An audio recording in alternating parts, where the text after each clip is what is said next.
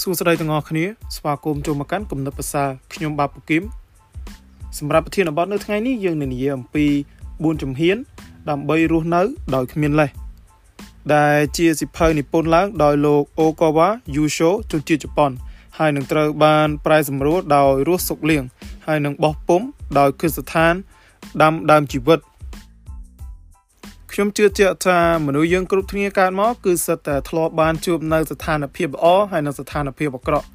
ចំណែកឯស្ថានភាពល្អវិញមិនថារឿងនោះជារឿងអីទេល្អតិចឬក៏ល្អខ្លាំងទេយើងតែងតែពេញចិត្តជានិច្ច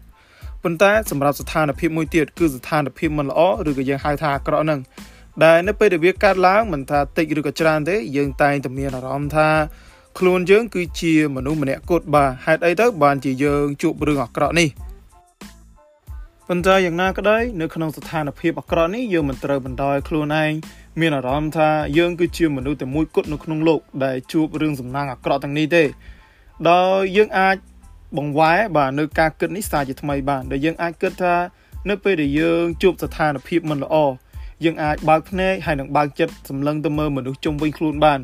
បន្តមកទៀតយើងនឹងអាចដឹងថាមនុស្សដែលជោគជ័យហ្នឹងមិនមែនសំណាងល្អតែមួយមុខទេ ហើយនៅពេលខ្លះទៀតបាទក្នុងចំណោមមនុស្សជោគជ័យទៅនោះគេប្រហែលជាអាចជួបនៅរឿងរ៉ាវដែលអាក្រក់ហើយនឹងការបរាជ័យដ៏ធ្ងន់ធ្ងរដែលយើងមិនបានដឹងពីមុនមកទៀតគ្រាន់តែគេហ្នឹងបាទបានព្យាយាមអស់ពីសមត្ថភាពព្រមទាំង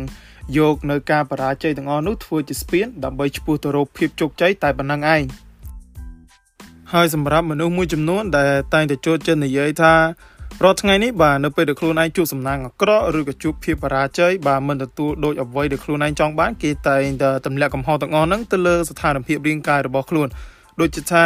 ខ្លួនឯងមានជំងឺកាចសាហាវជំងឺបេះដូងជំងឺមហារីកឬក៏ពិការអីផ្សេងផ្សេងទៅប៉ុន្តែបាទនៅត្រង់ចំណុចនេះយើងអាចមើលប្រវត្តិរបស់មនុស្សជោគជ័យមួយចំនួនបានទោះបីជាគាត់មានកាយសម្បទាមិនគ្រប់គ្រាន់មែនប៉ុន្តែគាត់នៅតែអាចទទួលភាពជោគជ័យទោះបីជាគាត់វេទនាដូចអ្នកក៏ដោយ ដោយឧទាហរណ៍លោក Franklin D Roosevelt ដែលគាត់គឺជាប្រធានាធិបតីរបស់សហរដ្ឋអាមេរិកដែលអង្គុយនៅលើរទេះរុញអស់មួយជីវិតទៅហើយដោយជាទូទៅមនុស្សដែលពឹងផ្អែកបាទលើរទេះរុញក្នុងការធ្វើដំណើរហ្នឹងតែងតែមានភាពពិបាកខ្លាំងមែនទែននៅក្នុងការប្រើប្រាស់ជីវិតហើយនឹងការមានតំណែងនៅក្នុងសង្គមប៉ុន្តែទោះបីជាមានភាពពិការក៏ដោយលោកប្រធានាធិបតី Roosevelt បាទក៏អាចបប្រតិបត្តិទូនីតិជាប្រធានាធិបតីដ៏ល្អបានផងដែរ។ អញ្ចឹងអ្នកទាំងអស់គ្នាអាចសង្កេតឃើញបានថាគាត់គឺជាបុគ្គលដែលអស្ចារ្យបំផុតមែនដោយគាត់រស់នៅមិនពឹងផ្អែកលើលេសឡើយប៉ុន្តែគាត់បែរជាធ្វើអ្វីដែលគាត់ចង់ធ្វើពិតប្រាកដហើយនឹងព្យាយាមអស់ពីសមត្ថភាព ដើម្បីយកឈ្នះភាពពិការទាំងនោះដូច្នេះហើយបើសិនជាអ្នកទាំងអស់គ្នាចង់ធ្វើបាទនៅរឿងអ្វីដែលខ្លួនឯងចង់ធ្វើពិតប្រាកដក៏ដូចជារស់នៅជីវិតដែលខ្លួនឯងចង់បានពិតប្រាកដ អញ្ចឹងលើកក្រោយបើសិនជាជួបការពិបាកឬក៏ជួបការបរាជ័យឈប់ប្រើលេសទៀតទៅ ដោយសារតែលេសបាទត្រូវបានបង្កើតមកនោះមានទូនីតិថា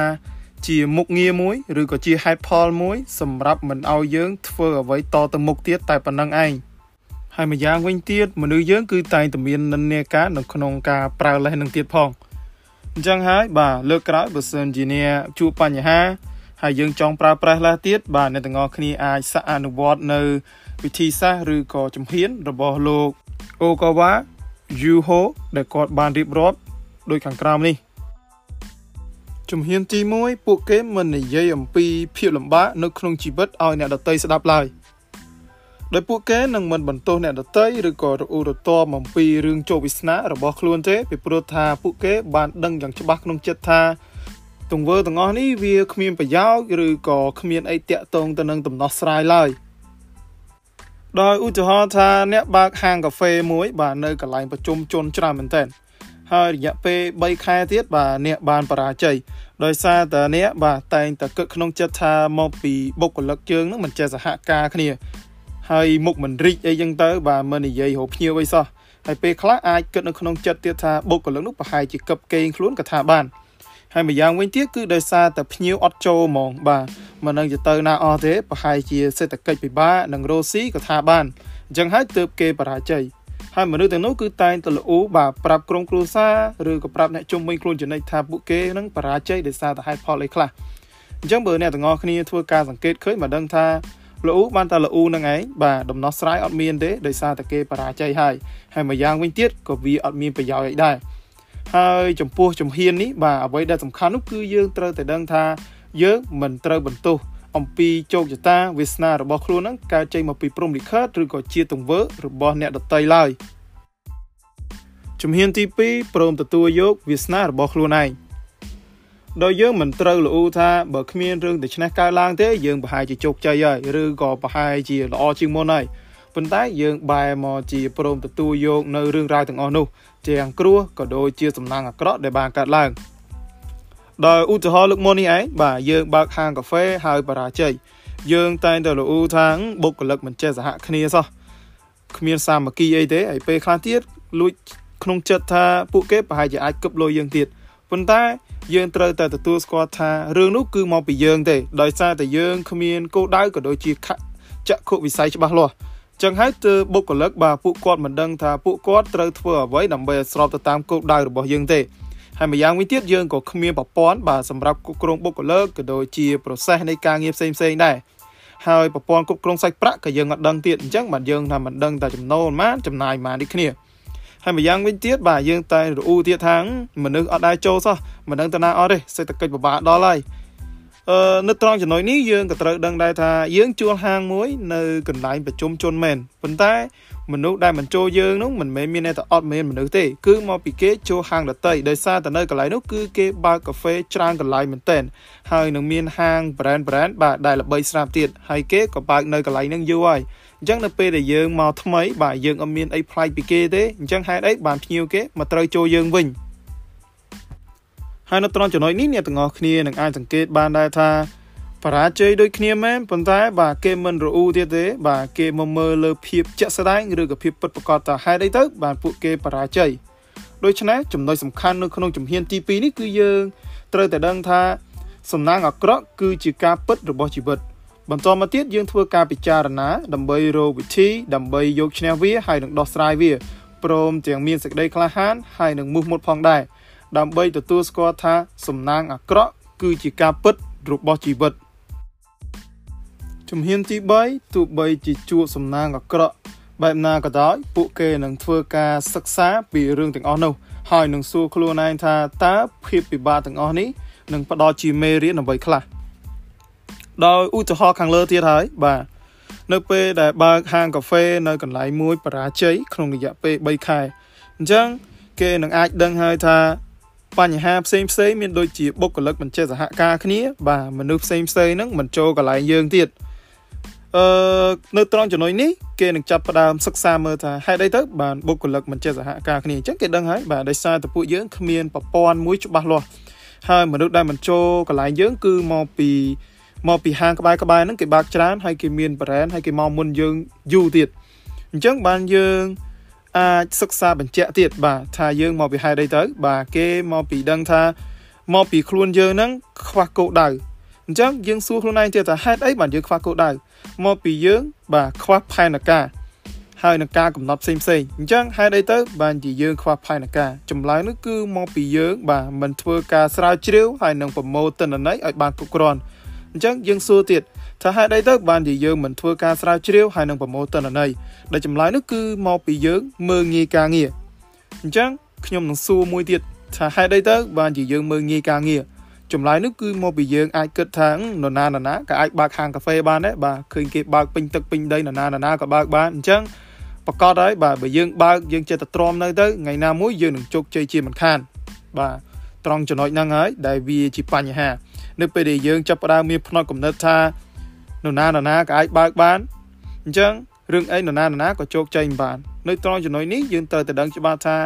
នរណានរណាក៏អាចបើកបានដែរប៉ុន្តែនរណានរណាជោគជ័យអត់អាហ្នឹងគឺជារឿងមួយទៀតនេះហើយទើបជាមូលហេតុឲ្យយើងត្រូវតែបាទមុននឹងបើកហាងយើងគួរតែធ្វើការសិក្សាស្រាវជ្រាវឲ្យបានច្បាស់លាស់ថាកន្លែងនោះបាទមាន ហាងចំនួនប្រមាណដែរហើយអ្នកចូលទិញមានប្រមាណអ្នកហើយកម្រិតនៃការចាយវារបស់គេអីប៉ុណ្ណាដែរបន្តមកទៀតទើបយើងធ្វើការប្រមូលវាតម្លៃទិន្នន័យហើយនឹងធ្វើការកំណត់នៅផែនការឲ្យបានច្បាស់លាស់ទើបយើងអាចកំណត់នៅគោលដៅរបស់យើងបានពិតប្រាកដដូច្នេះហើយចំណុចសំខាន់នៅក្នុងជំហាននេះគឺយើងត្រូវតែសួរខ្លួនឯងថាតតើភាពបរាជ័យឬក៏ភាពពិបាកនេះវាបានផ្ដល់មេរៀនអ្វីខ្លះមកដល់យើង ហើយវាមានហេតុផលមកពីណាដែរ បន្តមកទៀតទើបយើងធ្វើការស្រាវជ្រាវរហូតដល់ឃើញចម្លើយហើយនឹងយកចម្លើយទាំងអស់នោះបាទធ្វើជាមេរៀនហើយនឹងជាទ្រព្យសម្បត្តិដ៏មានតម្លៃដែលស្ថិតនៅក្នុងចិត្តរបស់យើងរហូតទៅជំហានទី4ពួកគេមិនដែលគិតថាចង់ពឹងពាក់អ្នកដទៃឡើយទោះបីជាមិនអាចជួយខ្លួនឯងបានមែនប៉ុន្តែយ៉ាងណាមិញពួកគេក៏នៅតែដើរលើវិថីនោះបាទតែម្នាក់ឯងហើយនឹងមិនពឹងពាក់លើអ្នកដទៃ ដោយឧទាហរណ៍ថាយើងបើកហាងកាហ្វេបរាជ័យបាទដោយសារតែបញ្ហាបុគ្គលិកហើយនឹងបញ្ហាមិនមានភ្ញៀវចូលអញ្ចឹងអ្វីដែលយើងអាចដោះស្រាយបាននោះគឺមិនមែនខ្ចីលុយពួកម៉ាដើម្បីធ្វើអាជីវកម្មនោះដែរឬក៏ទៅបញ្ចុះបញ្ចូលបុគ្គលិកឲ្យធ្វើការឲ្យយើង free ឬក៏និយាយជាមួយម្ចាស់កន្លែងឲ្យយើងនៅ free ទេ អ្វីដែលយើងគួរធ្វើនោះបាទយើងត្រូវទទួលស្គាល់ខ្លួនឯងសិនហើយបើសិនអាជីវកម្មនោះវាមិនអាចទៅរួចទេបាទបិទតម្ងទៅទោះបីជាយើង ខាតពេលខាតកម្លាំងហើយខាតទឹកចិត្តក៏ដោយយើងត្រូវតែទទួលស្គាល់នៅការពិតដ៏ឈឺចាប់មួយនេះហើយសម្រាប់មធ្យោបាយនោះគឺយើងអាចទៅនៅជាមួយគេសិនបាទទៅនៅជាមួយអ្នកដែលបើកហាងកាហ្វេត្រឹម2 3ឆ្នាំសិនទៅ ដើម្បីឲ្យយើងដឹងពីរបៀបឆុងកាហ្វេបាទដឹងពីលក្ខណៈពិសេសរបស់កាហ្វេថាវាមាន ព័ត៌មានតិចតួចអីគេខ្លះបាទដឹងពីរបៀបដែលគេធ្វើការការរៀបចំរ៉ាញ់វត្ថុក៏ដូចជារៀបចំបាត់ចិត្តផងដែរហើយម្យ៉ាងទៀតនោះគឺការរៀបចំ branding ឬក៏ការ promotion ផ្សេងផ្សេងដែលជាហេតុធ្វើឲ្យហាងនោះកាន់តែមានឈ្មោះល្បីទៅល្បីទៅម្យ៉ាងវិញទៀតនៅពេលដែលយើងសល់ពេលវេលាទំនេរបាទយើងអាចរកពេលហ្នឹងដើម្បីអានសិភៅឬក៏ចូលវគ្គ សិក្ខាសាលាផ្សេងផ្សេងបាទដើម្បីមកអភិវឌ្ឍនៅសមត្ថភាពរបស់ខ្លួនឯងសិនទៅ រហូតដល់យើងដល់ដំណាក់កាលមួយ ដែលយើងអាចទៅសេផែនការបាន ដឹងពីព័ត៌មានទីផ្សារជាក់លាក់រហូតដល់អាច កំណត់នៅគោលដៅបានយ៉ាងពិតប្រាកដអញ្ចឹងហើយទើបយើងឈប់ពីហាងហើយយើងមកព្យាយាមបាទបើកសម្ពោធនៅហាងរបស់ខ្លួនឯងម្ដងទៀតដោយមានទំនុកចិត្តការជឿជាក់ហើយនឹងភាពជោគជ័យនោះក៏មានភាគរយច្រើនជាងមុនដែរ ដូច្នេះហើយចំណុចសំខាន់នៅជំហានទី4នេះគឺត្រូវតែព្យាយាមជួយខ្លួនឯងដោយព្រមទទួលយកវាសនានិងស្ថានភាពបច្ចុប្បន្នរបស់ខ្លួន ហើយក៏មិនព្រមនៅស្ងៀមដែរបាទគឺយើងត្រូវតែព្យាយាមឆ្លងកាត់ភាពលំបាកនោះដោយពឹងផ្អែកលើកម្លាំងរបស់ខ្លួនឯងអញ្ចឹងសរុបមកវិញបន្ទាប់ពីអ្នកទាំងអស់គ្នាបានដឹងនៅ4ជំហានរស់នៅដោយគ្មានលេសនេះហើយ អ្នកទាំងអស់គ្នានឹងដឹងហើយថាមនុស្សដែលគិតទៅពីសង្វ័យខ្លួនឯងនឹងគ្មានផ្លូវជោគជ័យបានទេដោយមនុស្សទាំងនោះនឹងចោះចាញ់នូវភាពទន់ខ្សោយរបស់ខ្លួនឯងហើយពួកគេក៏សម្រឹងលងមើលការយល់ចិត្តយល់ថ្លើមបាទពីអ្នកដតីស្មើនឹងគេនឹងរស់នៅដោយទៀមទាការណិតអាសូរពីគេឯងឬក៏ស្មើនឹងពួកគេរស់នៅដោយមានលេសហើយអញ្ចឹងពេលណាដែលអ្នកគិតចង់ពឹងពាក់អ្នកដតីពេលនោះចិត្តវិញ្ញាណរបស់អ្នកនឹងព្រមចោះចាញ់តែម្ដង ប៉ុន្តែបើសិនជាអ្នកបាទចង់រស់នៅជីវិតមួយដែលខ្លួនឯងចង់បានពិតប្រាកដហើយនឹងមិនចង់ប្រើលេសទេបាទអញ្ចឹងទោះបីជាព្រមលិខិតគប់អ្វីដាក់អ្នកក៏ដោយអ្នកត្រូវតែទទួលយកវាដោយភាពក្លាហានហើយនឹងសម្រេចចិត្តដាច់ខាតថាត្រូវតែជំនះរឿងរ៉ាវទាំងនោះតតែបានដូច្នេះហើយនៅពេលដែលអ្នកទាំងអស់គ្នាបានជួបនឹងការបរាជ័យឬក៏ពេលវេលាពិបាកពិបាកលើក្រោយទៀតតើអ្នកទាំងអស់គ្នានឹងយកលេសឆ្លើយតបទៅនឹងបញ្ហាទាំងអស់នោះដែរឬទេ ហើយបើសិនជាអ្នកទាំងអស់គ្នាពេញចិត្តនៅខ្លឹមសារចំពោះ EP នេះបាទខ្ញុំសូមរីកមែនដល់អ្នកទាំងអស់គ្នាទៅជាវសិភៅដាច់ខាតត្រូវគិតថាមិនបរាជ័យនេះបាទដែលបោះពុំដោយដាំដើមជីវិតយកទៅអានទៅដោយសារតែខ្ញុំជឿថាអត្ថបទទាំងអស់នេះបាទវាពិតជាមានប្រយោជន៍ពិតមែនហើយសម្រាប់ EP នេះខ្ញុំសូមចប់ត្រឹមប៉ុណ្្នឹងសិនសូមអរគុណពីខ្ញុំពូគឹមសូមជម្រាបលា